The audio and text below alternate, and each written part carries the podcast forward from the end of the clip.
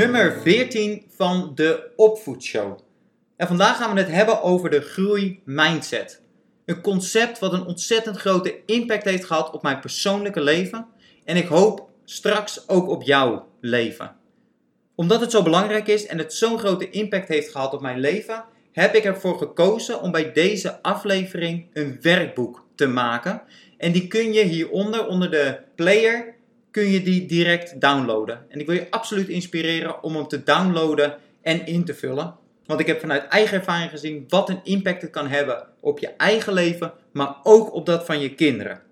Omdat de groeimindset zo belangrijk is, heb ik ervoor gekozen om er twee delen van te maken. En vandaag gaan we in op het eerste deel, namelijk het middel om je kind te helpen bij teleurstellingen en uitdagingen. Mijn naam is Bastian Alexander ik kan niet wachten om er dieper op in te gaan. Ik hoop jij ook niet, dus laten we beginnen. De groeimindset is een concept ontwikkeld door Carol Dweck. En hoe zij erachter kwam, is dat zij onderzoek heeft gedaan naar een groep kinderen. Die groep kinderen, random gekozen, splitste ze in twee verschillende groepen. En elk kind liet ze vervolgens een puzzel maken. Iedereen had de puzzel gemaakt en vervolgens kreeg groep 1 kreeg een bepaald soort feedback erop en groep 2 een ander soort feedback. En daarna keek ze wat het effect is van de feedback op de keuze of het kind daarna een makkelijkere of een moeilijkere puzzel wilde maken. Wat ze deed was op het moment dat een kind de puzzel af had, vanuit groep 1 gaf ze als feedback: Zo, dat heb je goed gedaan, je bent vast erg slim. Kinderen uit groep 2 gaf ze de feedback: Zo, dat heb je goed gedaan. Je hebt vast erg je best gedaan. En vervolgens kregen die kinderen dus de vraag: Wil je nu een makkelijkere of een moeilijkere puzzel maken? En wat zij zag, was dat de kinderen uit groep 1 met de feedback van je bent vast erg slim, massaal kozen voor een makkelijkere puzzel. En kinderen uit groep 2 met de feedback je hebt vast erg je best gedaan, kozen voor een moeilijkere puzzel. En dat is ze gaan onderzoeken waar dat nou vandaan kwam. En wat ze zag was dat op het moment dat het kind uit groep 1 de feedback had gekregen: je bent vast erg slim, gaat dat over een identiteit. Dan gaat het om een kwaliteit en eigenschap van het kind. En op het moment dat je die eigenschap, intelligentie, krijgt toegewezen, kun je eigenlijk niet meer groeien, kun je niet meer verder. Je kunt alleen nog maar die titel kwijtraken. Dus op het moment dat een kind kiest voor een moeilijkere puzzel die hij vervolgens niet kan maken, dan betekent dat van, oh, oeps, ik dacht dat je slim was, maar je kan de moeilijke puzzel niet maken, dus een vergissing. Terwijl kinderen uit groep 2, van je hebt vast erg je best gedaan, en die hadden zoiets van mijn best doen, van geef mij maar een moeilijkere puzzel, dan zal ik je laten zien wat mijn best doen is. Dus kinderen waarbij het gericht is op de inzet, die willen zich uitdagen, die willen zich nog meer inzetten kinderen die feedback krijgen over een eigenschap, een intelligentie, die zijn bang dat ze die dan weer kwijtraken, waardoor ze de makkelijkere weg kiezen en juist de uitdaging uit de weg gaan. Wat je ziet is wat Carol Dweck heeft genoemd een groeimindset op het moment dat je naar de inzet kijkt en een vaste mindset als je naar intelligentie krijgt.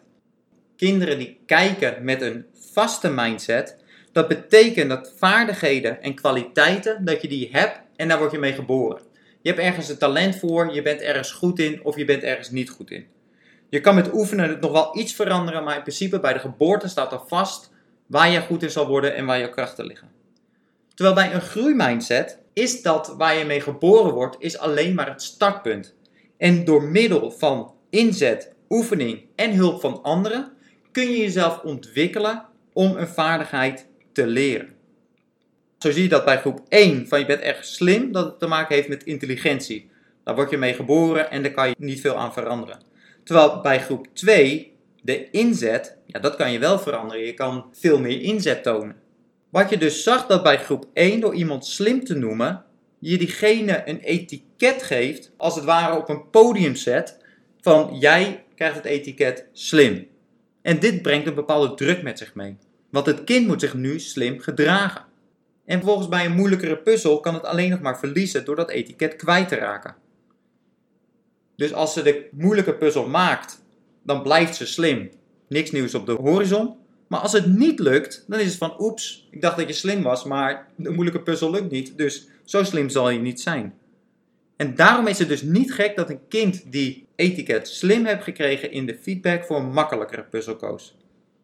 Vanuit groep 2 wordt dus heel anders gekeken naar slagen en falen. Want het gaat niet om het etiket slim of dom, maar het gaat over inzet. En dat is dus een geleidelijke schaal van hoe hard je je best kan doen. En van moet jij eens opletten hoe meer ik nog mijn best kan doen voor een moeilijkere puzzel. En daarbij dachten de kinderen dus van, en ik zal je laten zien wat mijn best doen is, en kozen voor de moeilijkere puzzel. Dit onderzoek geeft heel mooi weer hoe kinderen reageren op feedback met een vaste mindset en kinderen met een groeimindset. En kijk nu eens naar je eigen opvoedstijl. Complimenteer je je kind vaker met een vaste mindset, slim, atletisch, creatief, of juist met een groeimindset? Hoor je jezelf zeggen: Wat ben je toch briljant? Wat ben je toch slim? Oh, jij bent echt de nieuwe Mozart, de nieuwe Rembrandt. Of focus je veel meer op de inzet van zo, dit is een mooie tekening. Je hebt vast erg je best gedaan. Dus met de groeimindset. Ik heb het eerder gehad over het grote doel van de opvoeding. Hierbij is het heel erg belangrijk dat ze autonoom zijn, verantwoordelijk zijn, maar misschien nog wel belangrijker dat ze durven te falen. Fouten mogen maken. Dat ze een enthousiasme creëren om te leren. Zichzelf uit kunnen dagen. Als ouder zijnde is die valkuil voor een vaste mindset is groot. Hoe lekker doet het op een verjaardag om te vertellen dat je kind voorloopt? Al vroeg kon lopen, al snel zijn naam kon schrijven. Beter presteert dan het gemiddelde kind van zijn of haar leeftijd. Maar het gevaar schuilt hier echter in dat dit met termen als briljant, slim, bovengemiddeld wordt gecombineerd. En zoals we geleerd hebben, ontwikkelt je kind hierbij een vaste mindset. Het krijgt een etiket wat het alleen nog maar kwijt kan raken. En wat je krijgt eigenlijk van briljant, slim, bovengemiddeld, is dat je de motivatie om je best te doen weghaalt, omdat je eigenlijk zo slim moet kunnen zijn door resultaten te halen zonder daarin je best te doen. En daarin kan zelfs ook het excuus liggen om met een druk om te gaan door niet je best te doen. Dat op het moment dat je dan faalt of een fout hebt, dat je in ieder geval een excuus hebt van ja oké, maar ik heb ook niet heel erg mijn best gedaan. En daarin wil ik kijken naar lange versus korte termijn resultaten. En dan heb ik het dus de korte termijn resultaten van die het zo lekker doen op verjaardagen. Van hoe je kind voorloopt, de docent allemaal niet voor positieve commentaar had voor je kind. En als ouder, hoe fijn het ook is om dat te horen, is het zo belangrijk om hier minder waarde aan te hechten. En veel meer te focussen op de lange termijn. Dus resultaten op de korte termijn zijn fijn, zijn goed, helemaal niks mis mee. Maar op het moment dat je daar de waarde van je kind aan gaat hangen, dan krijg je dus dat je een bepaald faalangst kan ontwikkelen en dat een kind zich niet gaat uitdagen. Die korte termijn resultaten zeggen ook helemaal niks over hoe succesvol het uiteindelijk gaat worden in het leven. En op het moment dat je kind durft te falen, fouten kan maken, zichzelf kan uitdagen, dat zijn de eigenschappen voor succes in de toekomst. En dat heeft alles te maken met die groei-mindset. Daarbij is het ook het interessante dat iedereen wordt geboren met een groei-mindset. Al kijk je naar baby's hoe ze leren lopen, dan is dat met een groei-mindset. Je ziet niet vaak een baby vallen, opgeven en zeggen: Ja, ik ben hier ook gewoon niet goed in. Ik ben ook gewoon geen loper. Ik moet, ik moet zitten. Hou op met me. Dat zie je niet. Kinderen die vallen, boom, staan weer op en proberen het nogmaals totdat ze leren lopen. En dat is die groeimindset. Het kan met letterlijk met vallen en opstaan gaan, maar het gaat erom dat je blijft oefenen. Je blijft inzetten. Maar op het moment dat de baby verandert, ontwikkelt in een peuter, dan zie je in één keer die frustratie op het moment dat het niet lukt. Dan heb je in één keer dat alles in één keer moet lukken. En op het moment dat het niet lukt, dan wordt het weggegooid en laat maar zitten. Het is een hele normale ontwikkeling en je ziet het bij heel veel peuters. Maar het is dat ze die vaste mindset hebben ontwikkeld. En is dit misschien een klein beetje afgekeken bij papa of mama? die met perfectionisme te maken hebt en ook gefrustreerd raakt als het niet in één keer lukt. Als ouder een groeimindset hebben voor jezelf, dat is waar we het volgende week in deel 2 over gaan hebben. Maar nu wil ik dieper ingaan Wat kun jij doen als ouder om je kind een groeimindset te laten ontwikkelen? Oh ja. Ik wil ingaan op vijf strategieën die je vandaag direct kunt inzetten. Nummer 1. Beloon de inzet en niet het resultaat. Als iets is gelukt, je kind komt thuis met een mooie tekening of een mooi project van school, complimenteer dan vervolgens op de inzet die ze getoond heeft voor het maken van die tekening of dat bouwproject en niet op het resultaat van hoe briljant ze is en hoe ver ze kan komen ermee. Dus niet, wauw, dit is een mooie tekening, je bent briljant en je wordt vast een nieuwe Rembrandt. Maar wel, wauw, ik vind dit een mooie tekening. Ik kan zien dat je hier erg je best op hebt gedaan. Dus wat je doet is aan de ene kant maak je het niet van het is een mooie tekening, maar ik vind het een mooie tekening. Waardoor je dus focust op de inzet van het maken van de tekening en niet op het resultaat of de eigenschap van het kind. Nummer 2. Geef anderen niet de schuld, maar kijk hoe je kind zich kan verbeteren. Dus op het moment dat iets niet is gelukt. Bijvoorbeeld, je kind valt bij de sport niet in het eerste team, maar wordt in het tweede team geplaatst. Dat is een teleurstelling. En je kind is verdrietig. En niks is zo vervelend als ouder om te zien dat je kind verdrietig is. Dus je wil haar graag opbeuren. Korte termijn, heel gemakkelijk, is dat door de schuld buiten het kind te leggen en anderen de schuld te geven. Manier nummer drie is om niet gelijk die negatieve emotie weg te halen, maar om haar te leren hiermee om te gaan. Terug naar het voorbeeld van niet in het eerste team komen. Wat je niet moet doen, is aangeven: ik snap er niks van. Jij bent veel beter dan Jeroen. Het is niet eerlijk dat jij het moest laten zien toen het regende en Jeroen toen het weer droog was. De tegenstander van Jeroen was ook veel minder goed. En volgens mij heeft de trainer de pik op jou. Ik ga morgen direct naar hem toe om te zeggen dat we dit niet accepteren. Dus wat je aangeeft is dat het met allerlei omstandigheden te maken heeft, behalve met je kind. Wat je wel kan doen, is aangeven van ik begrijp dat dit een grote teleurstelling is, want ik weet hoe graag je het eerste team wilde halen. En dit doet ook even pijn en dat is ook helemaal niet erg. Ik ben trots op hoe hard je hebt getraind. Wat we zouden kunnen doen is extra oefenen om ervoor te zorgen dat je volgend jaar alsnog in het eerste team zou kunnen komen. Zullen we morgen anders aan de trainer vragen of hij ons hierbij wil helpen? Wat je dus aangeeft is dat die teleurstelling, die pijn, dat is helemaal niet erg om dat te voelen. Dat is iets heel normaals en dat overkomt je heel vaak in het leven. En het is juist belangrijk om daarmee te leren omgaan.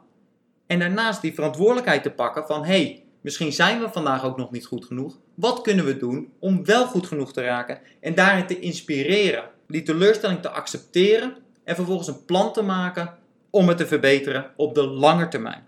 Geef anderen niet de schuld en probeer ook niet om het pijnlijke gevoel direct weg te halen. Falen en teleurstelling horen bij het leven. En je kan er maar zo snel mogelijk mee leren omgaan om het goed te kunnen oefenen. Ouders die zeggen van ik zal mijn kind beschermen, er zal nooit iets overkomen, is niet realistisch. En wat je krijgt is dat op een gegeven moment je kind de wijde wereld ingaat en niet om kan gaan met teleurstellingen. En dat is het allerbelangrijkste om dat te voorkomen. Bij een groeimindset gaat het om naar jezelf te kijken, die verantwoordelijkheid te pakken en te willen verbeteren, te willen groeien.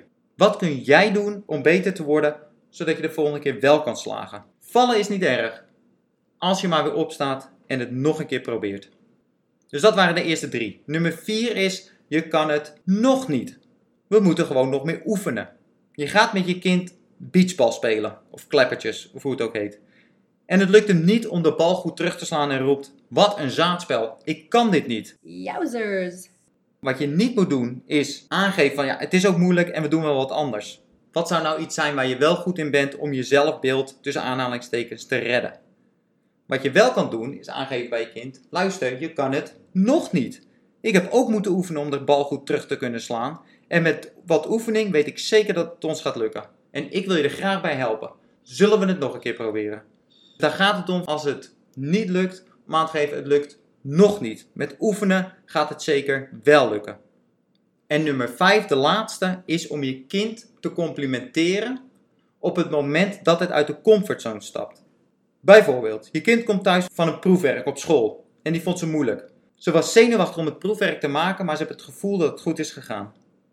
In plaats van te focussen dat het goed is gegaan, focus erop dat ze de uitdaging is aangegaan. Ongeacht het resultaat, ze heeft het maar wel mooi gedaan en hier ben je trots op. Ook al zou het resultaat onvoldoende zijn. Zie je wat je daarmee doet? Dat je niet op het resultaat gaat zitten, maar puur op de uitdaging. Op uitdagingen aangaan, uit je comfortzone te stappen en dat aan te leren. En dan maakt het niet uit wat het resultaat is, want het belangrijkste is om het te doen. Ook al val je, ook al faal je, om dan weer op te staan en het nog een keer te proberen. In het kort, de groeimindset focust op het proces, op het inzet van je kind. Durven risico's aan te gaan is belangrijker dan slagen. Als je kind een mindset creëert om te groeien, te ontwikkelen en uit de comfortzone te stappen, zal het in de toekomst slagen. Misschien niet in één keer, maar door door te willen gaan, door te willen groeien, zal het uiteindelijk altijd lukken. Je let op de lange termijn in plaats van op de korte termijn resultaten, die het zo goed doen op verjaardagen. Kwaliteiten en vaardigheden kunnen worden ontwikkeld. Het is niet de meest talentvolle die het verst komt, maar degene die het hardste werkt. En let op, want dit geldt niet alleen voor je kind, maar dit geldt ook voor jezelf. Dat is iets waar we het volgende week over hebben. Maar vandaag is het belangrijk om te focussen op hoe je feedback geeft naar je kind toe en waar je zelf op focust. De challenge. Nou, je ziet het misschien al een beetje aankomen. We hebben er naartoe gewerkt om aankomende week eens te letten op de manier waarop je feedback geeft naar je kind. En probeer er eens mee te oefenen om je kind te complimenteren op de inzet. Dat is eigenlijk het enige wat ik van je wil vragen. Aankomende week je kind feedback te geven op de inzet. En kijken wat er gebeurt, hoe je kind erop reageert en wat vervolgens de vervolgkeuzes daarop zijn. Dit was de aflevering voor vandaag. Heel veel succes. Go get them. Je kunt het. Tot volgende week. Ciao.